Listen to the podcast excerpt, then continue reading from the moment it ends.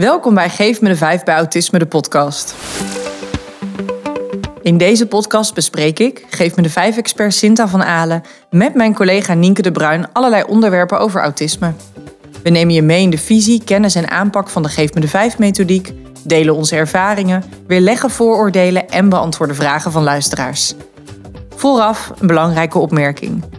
Autisme uit zich bij de ene persoon totaal anders dan bij de ander. En wij kunnen in deze podcast niet alles op maat maken. Nuanceer daarom wat we zeggen en gebruik vooral alleen dat wat bij jou past. Voor alle luisteraars die nu denken, ja, die belangrijke opmerking, die heb ik al zo vaak gehoord. Ja, we weten het. En we zijn er ook eventjes bij stil gaan staan. Hè? Willen we dit nou nog blijven noemen?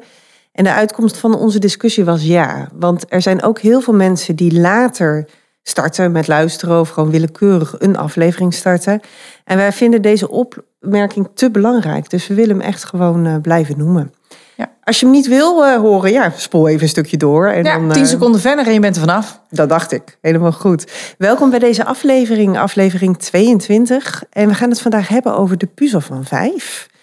Ik dacht toen we deze planden, waarom zijn we dit niet eerder gaan doen? Want dit is eigenlijk wel de basis van de methodiek van onze aanpak. Um, tegelijkertijd, hoe leuk om nu te doen.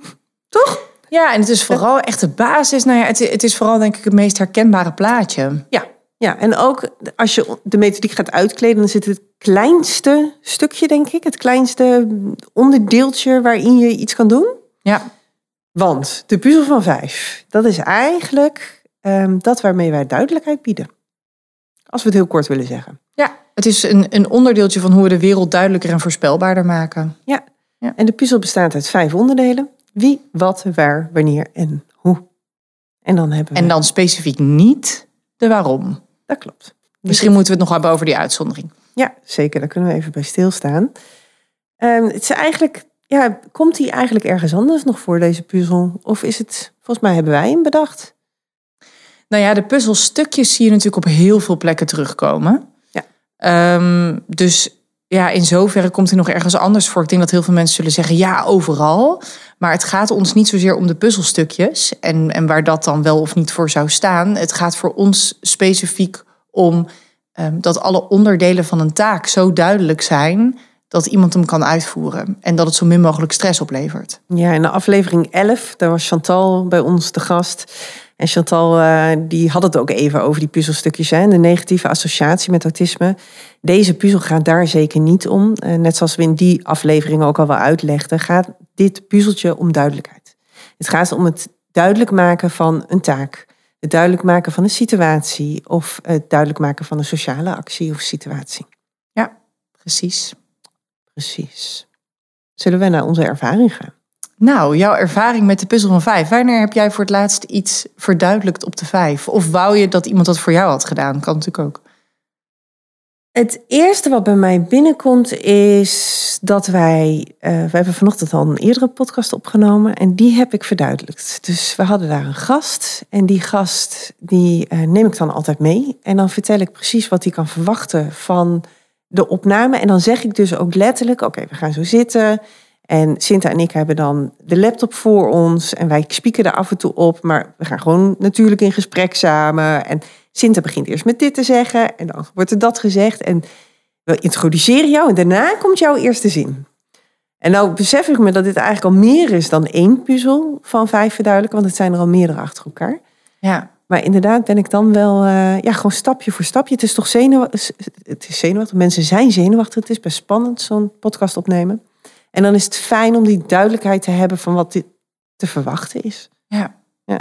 En jij? Ja, en zeker als je een externe gast hebt natuurlijk. Dus oh, iemand ja. die niet... Nu hadden we een collega, maar als het dan niet een collega is... dan is juist ook natuurlijk de wie en de waar... Um, is natuurlijk ook heel belangrijk. En de wanneer. Ja, klopt. Dat iemand op tijd op de juiste locatie staat. Ja. Weet waar hij eventueel kan parkeren. Klopt, ja, ja, dat is ook wel een hele mooie. Dat is ook wat we altijd doen. Van tevoren sturen we even een berichtje WhatsApp-berichtje met uh, wie erbij zijn. En ook wie hun op komt halen en waar ze moeten zijn. Maar dan ook letterlijk dat best wel in stapjes. Dus welke deur ga je naar binnen en waar loop je dan naartoe, et cetera. En ook wanneer het dan begint, wat de eindtijd is, wat de indeling daarvan is. Ja, ja. heel specifiek. En dat is wat de puzzel van vijf is. Ja. Het uitwerken van die vijf onderdelen. Ja. Heb jij een voorbeeld van jezelf? Um, nou ja, het eerste waar ik aan moet denken is, is bij mij thuis gewoon. Ik heb natuurlijk een, uh, een peuter van uh, nu bijna twee. En ja, die verduidelijk je de hele dag door. Maar specifiek bijvoorbeeld zijn we zaterdag naar de verjaardag van haar uh, oudere nichtjes gegaan. En dan, ja, omdat ze nog zo jong is, is het voor haar heel belangrijk om te weten. We gaan dadelijk met de auto. Hè, we gaan naar jouw nichtjes toe. Nou, die noem ik dan bij naam, want dan, dan, weet, ze, dan weet ze meteen waar we naartoe gaan.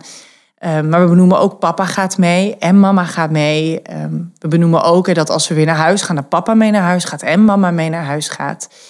Um, dat we een cadeautje meenemen, dat zij die mag geven, maar dat het niet haar cadeautje is. Um, ja, allemaal dat soort stapjes zitten daar denk ik in. Ja, ja. En dat, ik geef dat niet meteen allemaal tegelijk hoor. Want nu lijkt het alsof ik een soort van haar neerzet en een monoloog afsteek. Maar dat, dat, dat komt in, in stukjes. Ja. Eh, komt dat. Maar, eh, Ja, maar inderdaad, bij van die kleintjes ben je dit nog continu aan het doen. Ben je echt in het moment aan het ondertitelen wat ze zien. Nou, zij is al een stapje verder en dan kan je al een stapje vooruit. We gaan daar naartoe. Ja, En ja, heel erg persoonsafhankelijk nog wel. Dus de wie is heel belangrijk. Is mama er dan wel? Is papa er dan wel? ja, Ja, mooi. En zo is ook dit heel erg maatwerk. zeker. Ja. Ja. En hoe je dat maatwerk maakt, daar moeten we het eh, dadelijk nog maar even over hebben. Ja, want laten we eens eventjes kijken. ehm, wanneer je nou weet dat iets niet duidelijk op de vijf is. Hoe kan je dat dan zien? Ja, kijk, het meest makkelijke is natuurlijk dat iemand zegt: Dit is onduidelijk. Maar ja, dat is niet altijd hoe het gebeurt. Soms is wel ook heel fijn als het gebeurt. Als iemand kan Ja. zeggen, ik heb een vraag, er is onduidelijkheid. Ja, ja dat, is, de- dat is de meest ideale situatie natuurlijk. Soms is dat niet zo. En dan kun je bijvoorbeeld merken dat eh, iemand niet aan een taak begint of halverwege een taak stagneert, gewoon stopt. Dat kun je zien. Je kunt zien dat iemand herhaande handelingen heeft, hebben we het eerder over gehad. Eh, dat is een teken van wellicht dat er iets onduidelijk is. Ehm, het kan ook zijn dat iemand heel veel vragen stelt. Ja, maar hoe zit dit? Ja, maar hoe doe ik dat dan? Ja, maar wanneer gaan we dan? Ja, maar wanneer gaan we dan weer naar huis? Dat kan. Of ze gaan zelf invullen. Want jij hebt het niet duidelijk gemaakt en ik wil wel de duidelijkheid, maar kan het nog niet vragen. Dus ik ga zelf bedenken wat het zou zijn. Het vervelende is dat dat dan ook de waarheid kan worden. Dat kan ook dat worden waar, waar ze zich op instellen. En als het anders gaat, dan komt er een enorme weerstand tegen verandering. Ja, zo heb ik wel eens een leerling gehad die dat deed. Die kwam het klaslokaal binnen en die zag het dagprogramma en die vulde alles in. Wat dus gewoon een teken was dat ik het niet duidelijk genoeg had gemaakt.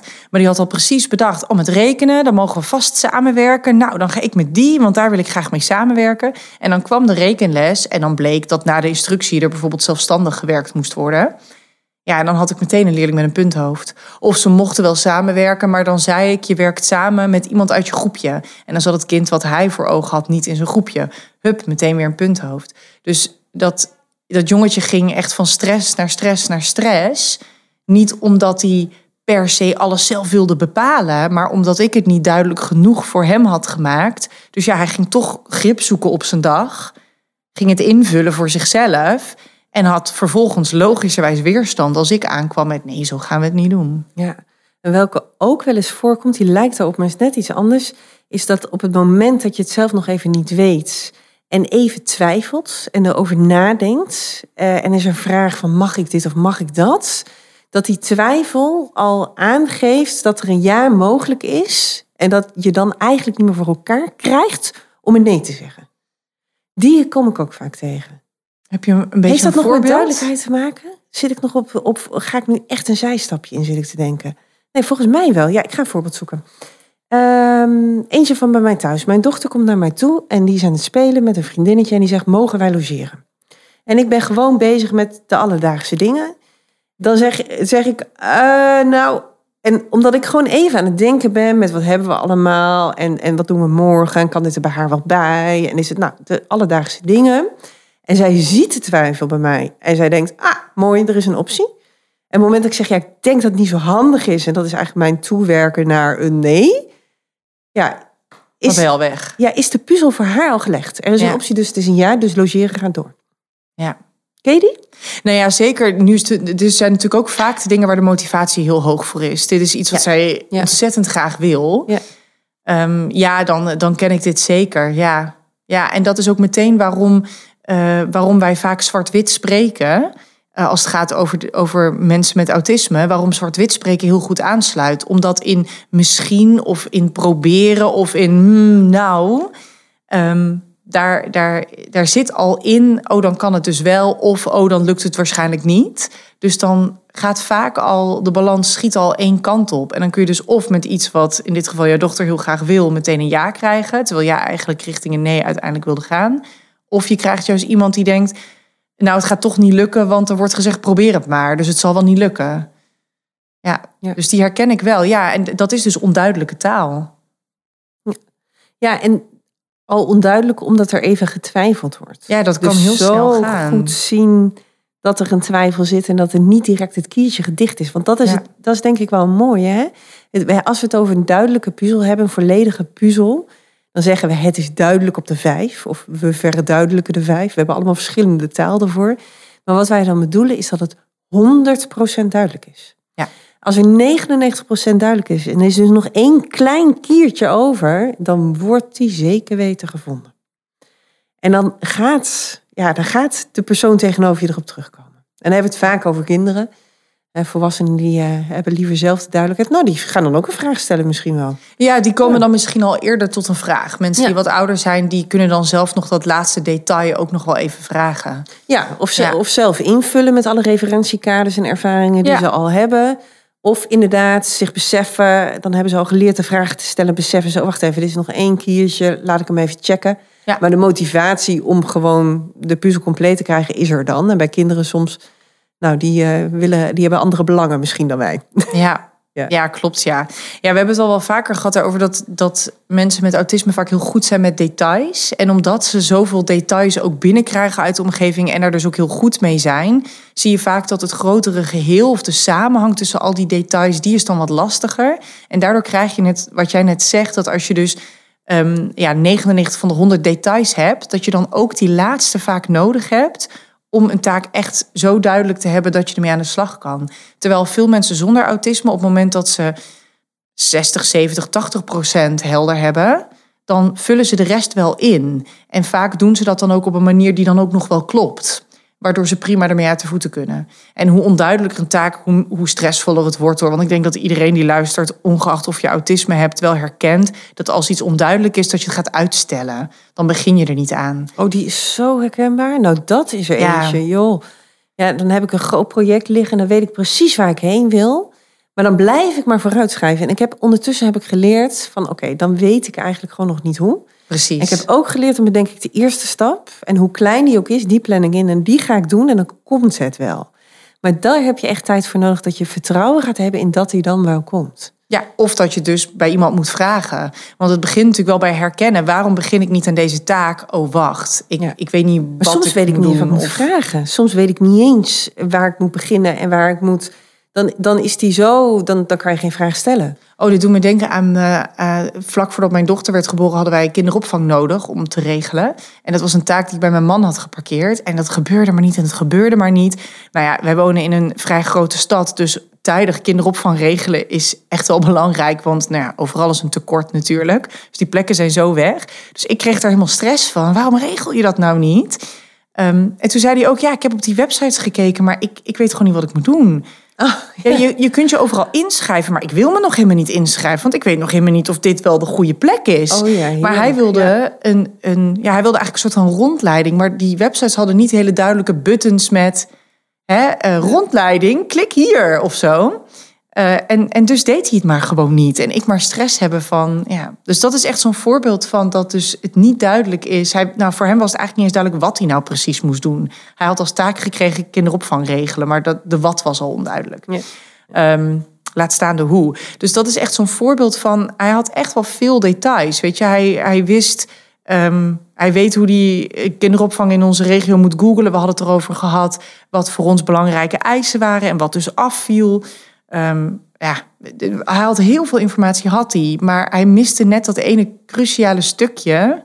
om uiteindelijk echt de stap te zetten om het te doen. Zullen wij eventjes de puzzelstukjes induiken? Want we hadden het net al over welke het zijn. En in het midden van de puzzel staat de wat. En zonder wat is er geen puzzel. Want de wat is de taak die je gaat doen. laten we een voorbeeld nemen. Wat is een handig voorbeeld om te nemen? Ehm, opstaan. Het eerste wat je Dat doet doet op de iedereen dag. op een Dat dag. doet. Een goed voorbeeld. Nou, de wat is opstaan. De wat zou ook kunnen zijn uit bed komen. Ja. Dat kan je kiezen hoe je het noemt. Maatwerk. En de wie? Ja, dat hangt er vanaf. Want in principe, in het kader van werken naar zelfstandigheid, is de wie de persoon die moet opstaan. Maar je kunt natuurlijk scenario's hebben. ehm, bijvoorbeeld mijn peuter, bij wie de wie eh, ook nog een mama betreft. Want zij kan niet zelfstandig uit bed komen. En dan weet ik nog dat toen mijn kindjes klein waren, dat die heel graag wouden weten wie ze dan uit bed kwam halen. En dat wij aan de muur iets hadden hangen met eh, een fotootje van papa of een fotootje van mama. En als we dan s'avonds in het bed brachten, dan deden we het fotootje erop en dan zeiden we morgen komt papa jou uit bed halen. Was denk ik een tijd dat ze even slecht sliepen en dat er even wat meer houvast rondom nodig was. Maar dan maak je ook echt duidelijk welke wie daarbij hoort. Ja. Tegelijkertijd, zodra er een wie is, maak je het ook eh, on- meer onvoorspelbaar. Want een wie verandert altijd. Ik heb de ene dag misschien net een andere stem omdat ik wat hees ben. En de andere dag heb ik mijn, mijn pyjama nog aan of ben ik al aangekleed. Ik, De ene keer zeg ik goedemorgen en de andere keer kom ik wat stiller binnen. Dus als het zonder wie kan, zeggen we altijd maak zelfstandig. Doe het zonder wie. Precies. We hebben de wie en de wat gehad. En dan gaan we naar de waar. De waar. Ja, die is heel vaak echt heel erg logisch. Want dan heb je op school, in het klaslokaal. Maar soms is het ook echt nodig om hier specifiek dit te benoemen. Want nou, bijvoorbeeld, ehm, je komt uit school. En je gaat het plein op. En je komt net voor het eerst op het grote plein. Hoe fijn is het als mama dan even zegt... kijk, ik ga hier staan naast de grote boom. Want dan weet je, dat is precies de plek waar mama staat. En daar staat mama altijd. En daar kan ik naartoe lopen. Ja. In zo'n geval kan het echt heel erg fijn zijn. Of we gaan met de bus gaan we naar eh, eh, schoolreisje. En ik weet, ik zit op deze stoel in de bus en naast mij zit die en die. En ik mag aan het raam of ik mag aan het pad. Dan weet je de waar al en dan is die iets specifieker, zodat het iets meer houvast geeft. En met opstaan is hij ook belangrijker dan dat je denkt. Want opstaan doe je natuurlijk ehm, vanuit je eigen bed in je eigen slaapkamer.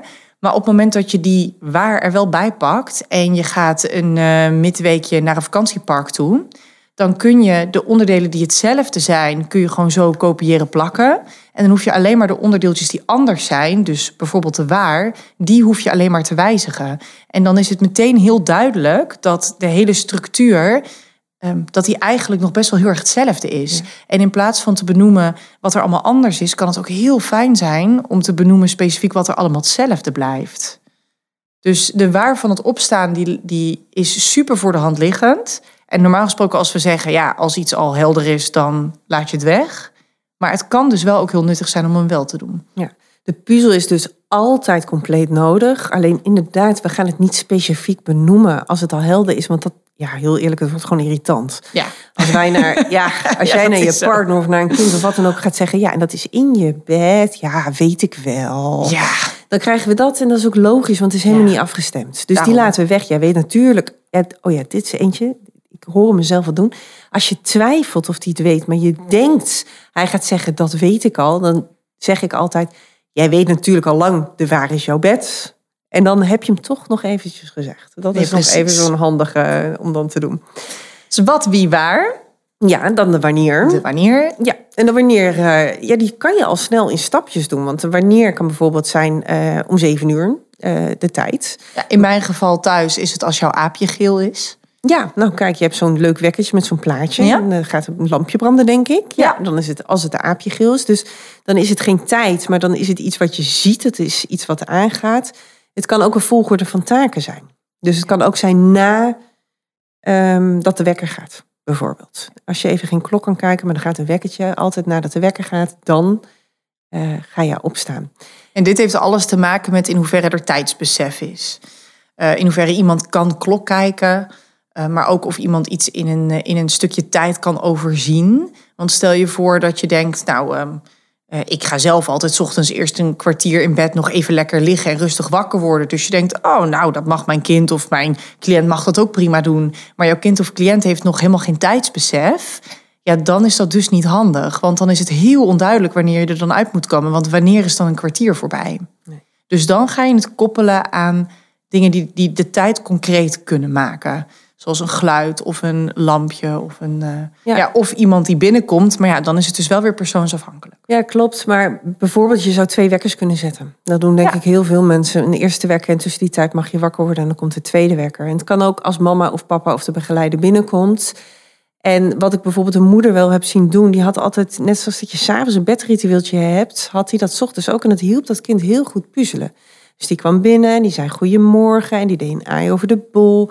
En dan ging het dekentje iets naar beneden en dan drie keer over de rug wrijven. En door dat altijd hetzelfde te doen, en nu heb ik het over een jongetje met een wat lager niveau, werd het hele opstaan een heel fijn ritueeltje die heel herkenbaar was. En je zag zijn ogen al wijde open gaan en je zag hem wakker worden. En hij wist op een gegeven moment gewoon nu is het tijd om mijn benen uit bed te gaan doen. Ja. Dus ze kregen hem zo op die manier heel mooi mee. En zeker als je van die kinderen hebt waar ochtends de strijd al begint, omdat de hele dag een en al onduidelijkheid is, ja. dan is dit wat je te doen hebt. Gewoon die basisveiligheid in elk klein taakje. Ja, detailniveau iedere keer hetzelfde. Ja. En wat betreft wanneer, vergeet de eindtijd niet. Nee, want die had ik ook van tevoren al bedacht. Toen we, toen we zeiden we gaan het over de, de puzzel van vijf hebben. Als je het hebt over gewoon het dagelijks leven. De eindtijd is echt belachelijk vaak onduidelijk in het leven. En dan moet ik zeggen, mensen zijn er al beter in geworden. Want als ik nu naar de film ga, staat er bijna altijd een eindtijd bij. En dat is ook met een voorstelling zo. En we hebben tegenwoordig dat er ook een uittocht is voor Sinterklaas. En dus er wordt al steeds meer rekening mee gehouden. Maar nog steeds echt op veel plekken hoor, is de eindtijd echt heel erg onduidelijk. Ja, want de eindtijd geeft de duur weer. En de eindtijd geeft weer wanneer het afgelopen is. En als er iets moeilijker is, dan helpt het je ook rustig geven in... oké, het duurt maar zo lang. Maar je weet ook wanneer kan ik mijn volgende afspraak weer plannen. Ja. Heel praktisch. Ja, ja. Of wanneer kan ik de volgende taak gaan doen. Ja, en de eindtijd bij opstaan zou ik dan zeggen, dat is gewoon de volgende taak. Je gaat opstaan en dan de volgende taak is naar de badkamer lopen. Ja, ik zou daar ook geen tijd aan, uh, aan koppelen. Nee, nee, en ook misschien niet specifiek benoemen, want de volgende taak komt gewoon. Maar in je hoofd ga je deze altijd eventjes langs. Is er ook nog een eindtijd nodig? Ja, dan missen we alleen nog de hoe. En de hoe bestaat eigenlijk altijd uit uh, meerdere stapjes. Tenminste, als dat nodig is, bestaat het uit meerdere stapjes. Dus weet je, opstaan kan zo fijnmazig als dat jij het net noemde.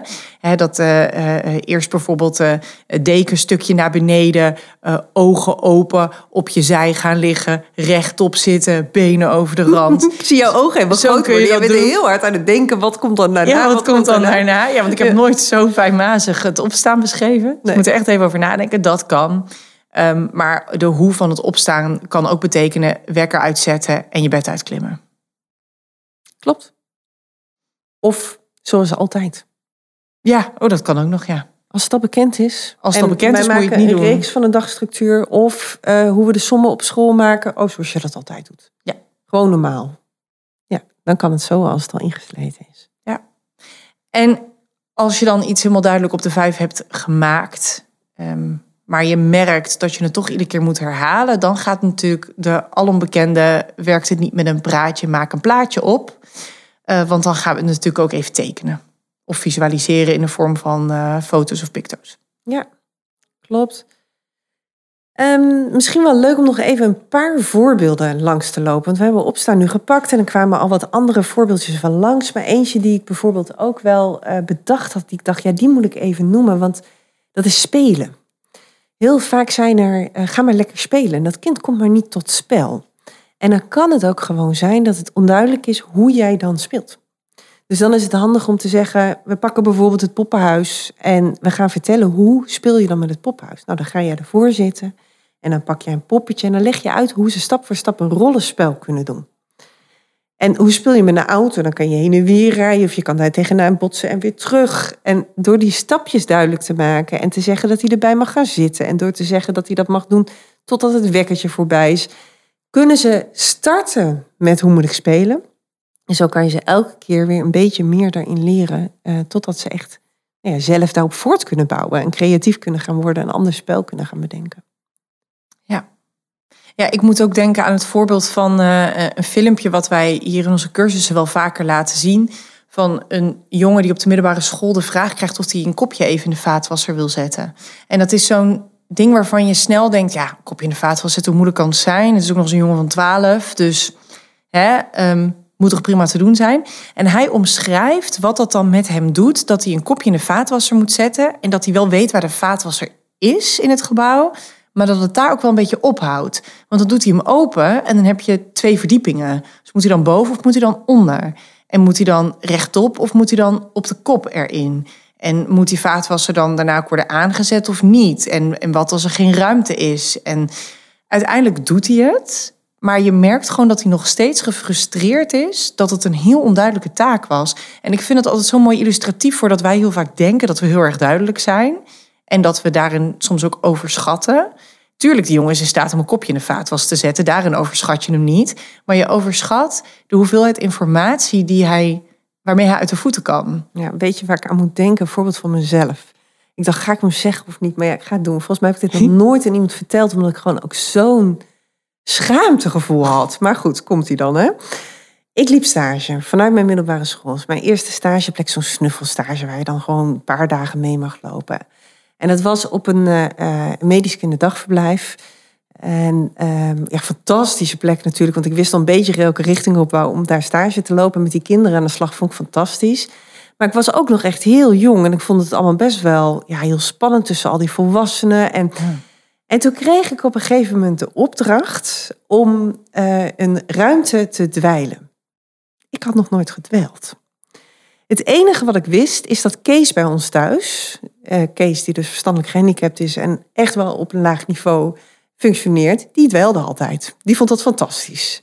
Dus wat ik zat te denken was in de, ik durfde het niet te vragen, ik vond doodeng. En ik, kan je toch niet vragen, dit moet ik toch gewoon kunnen.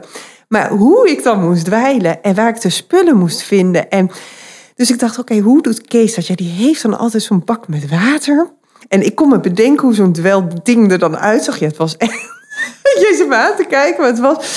Dus ik heb het uiteindelijk bij elkaar gevonden. En als weten ben ik daar gaan dweilen. Maar het was zo zeikensnat die grond dat ik dacht, het is niet goed. En volgens mij heb ik er een zwembad van gemaakt. Als ik, als ik terugdenk. Maar ik durfde het niet te vragen. Het was het einde van de dag. Dus ik heb die spullen. Ik wist ook niet waar ik het water heen moest doen. Dus ik heb die bak met water en het welde in ergens in een hoek gezet. En ik ben naar huis gerend. ik dacht, dit doe ik niet meer. Oh, heeft iemand er nog iets van gezegd? Ik heb er nooit wat van gehoord. Dus misschien dat, iemand, dat, die, ja, dat die ruimte die dag niet meer nodig was. En de volgende dag... opgedroogd. Ja, dat heb ik altijd maar gehoopt. Ik heb er ook nooit over durven praten. Maar weet je wat dit wel... Waarom ik hem nu wel deel? Is omdat ik weet hoe knullig het voelt. Dat Als je het, denkt, ik moet het weten. Het is zoiets logisch. En zelfs Kees kan het. Want die deed dat echt heel goed altijd. En ik sta daar en ik weet het niet. Maar ik heb ook niet de taal. Ik heb niet de moed om die vraag te kunnen stellen. Ja, maar oh, dat is ook wel een beetje wat ik bedoel met dat we daarin echt snel overschatten hoor. Want dingen die, die voor je gevoel heel duidelijk zijn, die ga je dus ook al gauw niet meer uitleggen aan een ander. Misschien vinden mensen wel dat een, een tiener al zou moeten weten hoe je moet dweilen. Ja, je weet het niet. Maar het is zo makkelijk om ook even te checken. Weet je hoe je dat moet doen? Of weet je waar de spullen staan? Ehm, ja, en daarin wordt wel gauw dan overschat. Ik heb nog wel een voorbeeldje. Um, ik heb een meisje in de klas gehad die uh, was voor het eerst ongesteld geworden. Uh, was bovenbouw van de, basis, uh, van basisschool, meisje met autisme dus. En haar moeder had haar echt fantastisch voorbereid voordat ze naar school kwam. Die had echt alles op detailniveau uitgelegd, volledig duidelijk op de vijf gemaakt. Um, wanneer moet je dan naar het toilet gaan? Vaker op een dag. Hoe moet je dat aanpakken? Um, maar ook wie dat je dat zelf doet. Maar ook de wie in met wie praat je hierover. Dat ze dat niet hè, in de maandagochtendkring aan de hele klas zou verkondigen. Um, nou, alles had moeder uitgewerkt en voorbereid. En dat meisje vond het allemaal heel spannend, maar ook was, was ook wel een soort van enthousiast of zo erover. Dus toen ze voor het eerst ochtends naar het toilet was geweest, kwam ze terug bij mij om even te vertellen dat ze de maandverband had, uh, had gewisseld. En uh, nou, ze was ook gewoon een beetje trots dat ze dat helemaal zelf had gedaan. En ik weet niet waarom, maar ik dacht ergens. Er, ja, er is een detail in het kader van die 99 procent. Er, er mist iets of zo. En toen vroeg ik aan haar, waar heb je het weggegooid, het, het oude maandverband? En toen wees ze naar de prullenbak in de klas. Oh. En toen dacht ik direct, oh, ik weet het al. Wist je dat er ook een prullenbak is op de wc? En toen rekte ze meteen gefrustreerd. Oh. Ze zei, nee, die is er niet. Nee, ik heb gekeken, die is er niet. Ach, gossie. En toen dacht ik, ja, super logisch. Want als je het hebt over details, een prullenbak op een openbare wc ziet er vaak heel anders uit dan de gemiddelde prullenbak in een klaslokaal die je thuis hebt. Hij hangt, hij is vierkant en niet rond. Er zit zo'n klep op. Ehm, hij is vaak wit.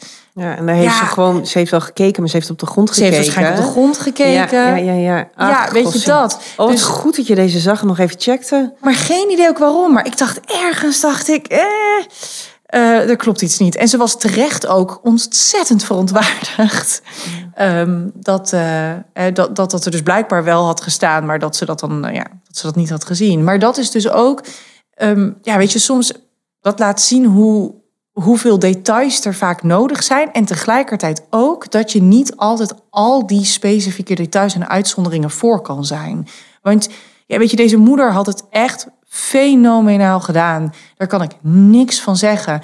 Maar ik snap ook dat als je daarmee bezig bent, dat jij niet op dat moment je even kunt verplaatsen in de wc's op school en hoe daar een toilet eruit ziet. Misschien wist moeder het ook niet eens wat voor toiletten we hadden. Ja, dat had ze niet bedacht en dat snap ik ook. Nee, zeker weten. En dat is helemaal niet erg, weet je. Dan zeg je gewoon op dat moment... oh, ik zal jou even laten zien waar het toilet is. En dan weet je het vanaf nu. Ja, dan zit je weer op die 100 procent. Klopt. Dan zit je daar weer. Dus hoe fijn als iemand nog even meekijkt achteraf. Is het echt duidelijk geweest? Is dit echt kloppend? Ja. Hey, we hebben nog een, eh, een paar goede voorbeelden. Want nu hebben we wat voorbeelden natuurlijk van misschien een wat lager niveau. Of van kinderen. Of in jouw geval gewoon van een tiener die nog niet heeft geleerd hoe ze moet dweilen. Ik vind het echt een mooi voorbeeld. Maar we hebben natuurlijk ook, dit komen natuurlijk ook heel veel tegen bij volwassenen. Zeker op bijvoorbeeld de werkvloer, onduidelijke taken. Ga dit maar even uitwerken. Ja, Bijvoorbeeld? is uitwerken dan? Wat Ja. moet ik doen? Wat verwacht je precies van? Maar ja, weet je, de hele dag door is het nodig om te vragen naar deze vijf. Het is niet voor niets dat natuurlijk vragen beginnen gewoon ook met wat moet ik doen en waar moet ik het doen en wanneer en met wie en hoe. Dus dat is waar wij continu elkaar op bevragen. Wat verwacht jij eigenlijk van mij? Ja. Ja, ja we hebben de laatste keer die brief van die eh, meneer eh, eh, voorgelezen. Hè? De, die een gesprek in moest en niet wist wat hij van dat gesprek moest verwachten. En toen was het ook, ehm, hij had heel graag willen weten waar het over ging. Wat is dan het thema? Want dan kan ik me voorbereiden. Dan weet ik al wat ik wil zeggen. Ja. Die is heel helpend. Of als je bijvoorbeeld, ik, ik weet nog wel, een, een, een man die kreeg een nieuwe rol op zijn werk. Want die mocht namelijk projectleider zijn. En eh, hij had het hier dat hij precies wist wat dat was. Dus hij ging aan de slag en hij ging dat project leiden. Alleen dat je als projectleider ook mensen aanstuurt en terugvraagt. En ervoor zorgt dat jij precies weet wat bij wie ligt. Dat wist hij niet. Dus het, het, in eerste instantie ging het mis. En uiteindelijk zijn we gaan ontleden. Wat is het dan? En dit hoort er ook bij. Dit is ook wat projectleiden is. Dat betekent dat jij dus weet, die is die taak aan het doen. En dan en dan is het klaar. En ik check even of dat lukt. En ik check eventjes in. Eh, ik moet ook nog denken aan zoiets simpels als tandartsafspraken. Oh, ja. Even, ja, echt iets heel anders, maar plopt in één keer in me op in het kader van, van juist op de details onduidelijk. Ik ken niemand die het heel leuk vindt om naar de tandarts te gaan. En natuurlijk, het is niet prettig dat er per se iemand in je mond zit te vroeten. Ehm, maar volgens mij is het echt vooral dat zo'n tandarts of zijn assistent exact weet wat ze gaan doen, maar dat jij toch nooit echt precies weet wat er nou staat te gebeuren. Dat het ergens toch altijd een beetje onduidelijk is. En ook hierin merk ik wel een verschuiving hoor. Dat er tegenwoordig ook in ziekenhuizen, maar ook bijvoorbeeld bij zo'n tandartsafspraak, dat er veel beter wordt ondertiteld de hele tijd. Nu ga ik dit doen, nu ga ik dat doen. Maar voor mijn gevoel was dat 10, 20 jaar geleden echt nog niet. Nee, dat was echt niet. Ik, toen ik bij deze tandarts kwam, ik ben sinds een aantal jaren bij een andere tandarts. Die doet dit wel. En die vertelt het. En toen dacht ik, hé, hé, eindelijk snap ik wat er nou eigenlijk gebeurt bij zo'n cont- controle. Eindelijk snap ik wat je nou met mijn mond aan het doen bent. Ja. En ook dat, ja, niet eerder echt gevraagd of zo. Of, nou ja, goed. Ja, maar je gaat er ook gewoon een beetje vanuit. Weet je wel, hij of zij is de professional, die zal het wel weten. En iedereen doet dit. Iedereen gaat één, twee, drie keer per jaar naar de tandarts. Dus ja, dan zal ik het ook wel moeten kunnen. Ja. Ehm, maar eigenlijk is dat natuurlijk... Ja, het is heel logisch, omdat het niet per se heel comfortabel is... ehm, maakt het het best wel vervelend als je ook nog eens niet weet hoe lang het duurt. Eh, als je ook nog eens niet exact weet wat ze gaan doen. Dat zijn toch wel dingen waarvan dan vaak ook bij volwassenen automatisch wordt gedacht... ja, maar je bent volwassen, dus hè, dat, dat doen we alleen voor kinderen. En dan denk ik, ja, maar waarom dan? Want ik wil ook best wel graag weten hoe lang deze afspraak duurt. Niet alleen vanwege mijn afspraken daarna, maar ook gewoon zodat ik weet hoe lang ik in die stoel moet liggen. Daar moest ik ook nog even aan denken. Als je het gewoon hebt over ja, dingen die je als volwassene tegenkomt in het dagelijks leven. Dan is dat ook heel fijn om Ja. dat te weten. Ja, zijn ook van die dingen. Oh, kraambezoek is ook zo eentje als volwassene.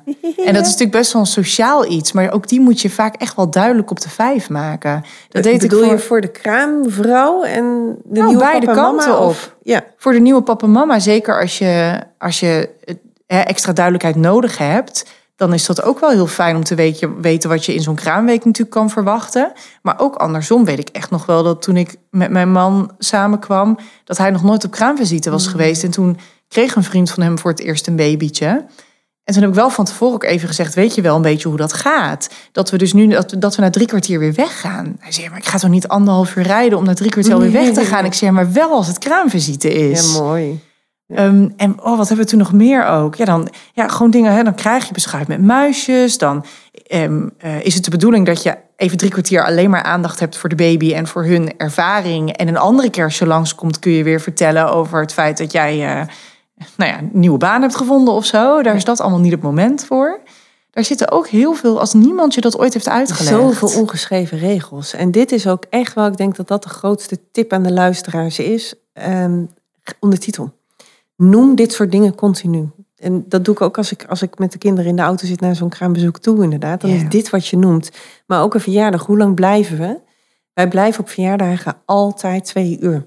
Dat kan je bijvoorbeeld zeggen. En dan weten we het gewoon. We blijven altijd twee uur. Dat is de basis. En daarop kunnen we alle uitzonderingen maken. Ja. Want de ene vind je na een uurtje goed en de andere blijf je misschien nog langer. Ja, dus eigenlijk als je iets duidelijk op de vijf maakt, dan kun je daarvoor gaan zitten met papier met stiften. En echt de puzzel helemaal verduidelijken. We hebben ook zelfs op onze webshop een aantal downloads die daarbij kunnen helpen. Zeker is een formulier wat je kan invullen bijvoorbeeld. Eh, op verschillende manieren ook nog eens. Maar het is ook wel gewoon gedurende de dag door middel van ondertitelen dat je continu stukjes aanvult waar nodig. Het zijn eigenlijk twee manieren waarop je iets kunt. Ja, en ook heel goed voor jezelf. Je kan het voor jezelf verduidelijken. Je kan vragen stellen aan de hand van de puzzel, zodat je het duidelijk krijgt. Ja. Laten we naar de luisteraars vragen. Ja, we hebben een hele goede gekregen. Hè? Zeker weten. Ja. Ja. Zal ik hem even voorlezen? Graag. Nou, er vraagt een moeder van een puber. Die vraagt ons: Ik zou graag willen weten hoe ik kan dealen met vragen die ontstaan vanuit een voor mij complete puzzel. Denk je dat je alles getackeld hebt? Kan er ineens weer een nieuwe puzzel ontstaan vanuit die eerste? Zo kan ik dus met mijn puber eeuwig door blijven puzzelen. Dus de vraag is: hoe voorkom ik nieuwe puzzels vanuit de eerste puzzel? En ze geeft ook een voorbeeld dat als ze dan bijvoorbeeld het gamen duidelijk op de vijf heeft gemaakt, ehm, dat ondanks dat ze dan best wel gedetailleerd is geweest, dat er dan weer nieuwe puzzels komen die eigenlijk vooral over de uitzondering gaan. Dus wat als er niemand voor het eten kan gamen, kan ik dan na het eten nog gamen? Wat als ik liever niet boven wil eh, zitten, maar ik wil beneden zitten? Ja, allemaal wat als scenario's. Ze zegt ook, er blijven maar uitzonderingen gezocht worden. Je zegt al een hele goede vraag, want hij is zo heerlijk herkenbaar. En daarom is hij zo goed. Want dit zijn die kiertjes. Ja. Dit is denk ik een puber waarvoor gamen heel belangrijk is. Heel veel motivatie. Net zoals dat logeervoorbeeld van mijn dochter, is dit gewoon iets wat we graag willen. Dus dan moet het kloppend zijn en ik wil zoveel mogelijk eruit halen. En dan, ja, dan kan het zoeken naar die, klie, naar die kiertjes, kan als klieren voelen, wou ik zeggen. Eh, Het, het kan zo complex zijn en je kan echt denken, nou, hij doet het erom. Nou heb ik het duidelijk gemaakt. En nou, nou blijft hij of zij gewoon doorgaan en maar zoeken en nog maar weer verder gaan. Terwijl, oh, ik heb het toch gezegd. En die is ook heel herkenbaar, denk ik, voor heel veel mensen. En voor mij ook soms wel eens. Want ja, dan is het echt zoeken. Ehm, de waarheid is eh, dat ze echt op zoek zijn naar wat mag dan wel, wat mag niet en waar ben ik aan toe. Ja, waar ligt de grens? Ja. Of, laat ik het zo zeggen, kan de grens worden verschoven als de omstandigheden daarnaar vragen? Dus we hebben een puzzel. En een puzzel, ik zit met mijn handen de puzzel te maken. Ja, die heeft ka- kaders, die heeft randjes. En wat valt daar binnen? En waar ligt de grens en wat valt daar buiten? En soms zeg je, hij is de grens aan het opzoeken. Ja, dat is hij ook, maar heel positief. Want daar zit de duidelijkheid. Want daar is de duidelijkheid. Als de grens duidelijk is, als ik weet, oké, in deze situatie mag een uitzondering en in deze situatie gaan we geen uitzondering, houden we ons eraan, dan is het fijn. En als je hier nou net mee begint, dan is een tip, doe geen uitzonderingen. Maak het eventjes zo makkelijk mogelijk voor jou en voor de puber. En begin daarmee, zodat die zo duidelijk mogelijk is. En als die basis staat en er is geen discussie meer over en we hebben het allemaal helder en we houden ons beiden aan afspraken, want dat is wel, als hij zich aan de afspraak moet houden of zij, dan moeten wij dat als ouders of begeleiders ook, want anders kunnen we nooit uh, op elkaar bouwen. Dus dan doe ik ook wat ik zeg en dan zeg ik ook wat ik doe. En dan kunnen we na een tijdje kunnen we gaan kijken welke uitzondering kunnen we maken. Dan kunnen we weer flexibel worden samen. Ja. Ja, dus dan is het zo gaan we het doen, zoals hier nu op papier staat en is afgesproken. Klopt. Ja. Soms merk ik ook wel dat dit nogal voortkomt vanuit een angst dat dan in dit geval de gamen niet door kan gaan. Want je zei natuurlijk net al hè, dat de motivatie gewoon heel hoog is. En dat is gewoon de angst dat het dan, dat het dan niet door kan gaan, is dan gewoon heel groot. Um, en soms helpt het, voor mij heb ik dan ook wel eens gemerkt dat het met pubers ook wel eens helpt om gewoon te zeggen: Het komt goed, jij hebt genoeg tijd om te gamen dit weekend. Komt echt goed. Ik denk altijd mee. En, ja, en laat hun ook meedenken. En ja, oké, okay, is deze situatie gebeurd, wat is dan jouw voorstel? Wat vind jij redelijk? Wat vind je een goede oplossing? Ja. Want als jij zegt, dit zijn mijn overdenkingen. En als ouder, ik wil niet vervelend zijn, maar ik wil het beste voor jou. Dus ik heb deze regels, want die zijn er belangrijk voor jou. Want dan heb je ook de rust, dan heb je ook ruimte om iets anders te doen. Maar ik wil ook met jou meedenken. Wat vind jij dan een handige? Hoe denk jij dat het goed werkt voor jou? Ja, daar kunnen ze zat. Dat. Ja.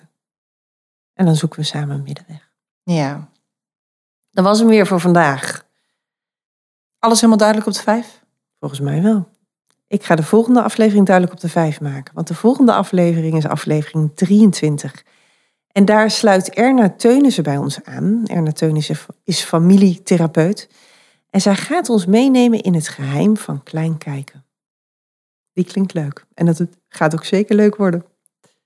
Bedankt voor het luisteren naar Geef me de vijf bij Autisme, de podcast. Als je je abonneert, dan word je op de hoogte gebracht zodra er een nieuwe aflevering online komt. Vergeet zeker niet om een reactie op deze aflevering achter te laten. En dat kan zoals altijd daar waar je deze aflevering hebt beluisterd, maar uiteraard ook op onze social media. Als je nou meer wil leren over onze methodiek, kijk dan even op de website www.geefmede5.nl. En in de webshop vind je daar ook een aantal gratis downloads die we deze keer hebben genoemd. Daar staat bijvoorbeeld het gamen duidelijk op de 5 maken. Daar staat bijvoorbeeld ook onze puzzel in een goede resolutie die je kan downloaden en kan printen. Maar er staan ook een aantal invulbladen om nog meer uh, activiteiten helemaal duidelijk op de vijf te maken. Heb je nog vragen of opmerkingen over deze aflevering? Die kan je sturen naar podcast.geefmede5.nl. En dat is Geef me de 5 met het cijfer 5.